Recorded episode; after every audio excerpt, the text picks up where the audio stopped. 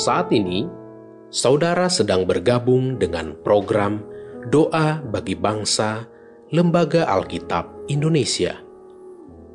Doakan, wartakan, donasikan melalui li nk.tr.ee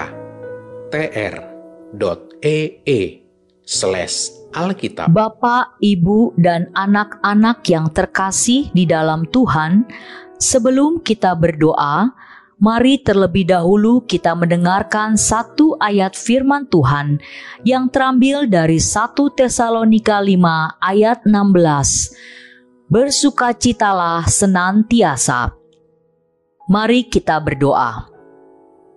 Allah Bapa yang Maha Kuasa, Allah Bapa kami yang maha baik, kami bersyukur kepadamu karena Engkau berkenan menghimpunkan kami dalam doa bersama.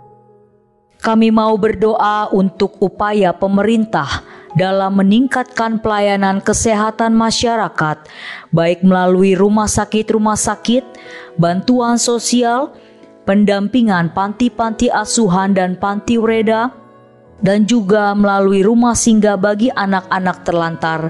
Kiranya semua dapat berjalan dengan lancar dan kiranya kau memberkati setiap orang yang berada di dalamnya agar dapat bekerja dengan baik.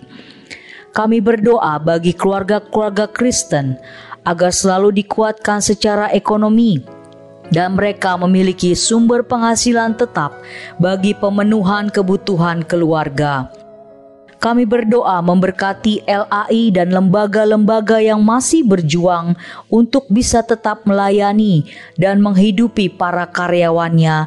Kiranya Engkau menolong, mempercukupkan segala apa yang mereka butuhkan dan memberkati setiap program yang mereka canangkan.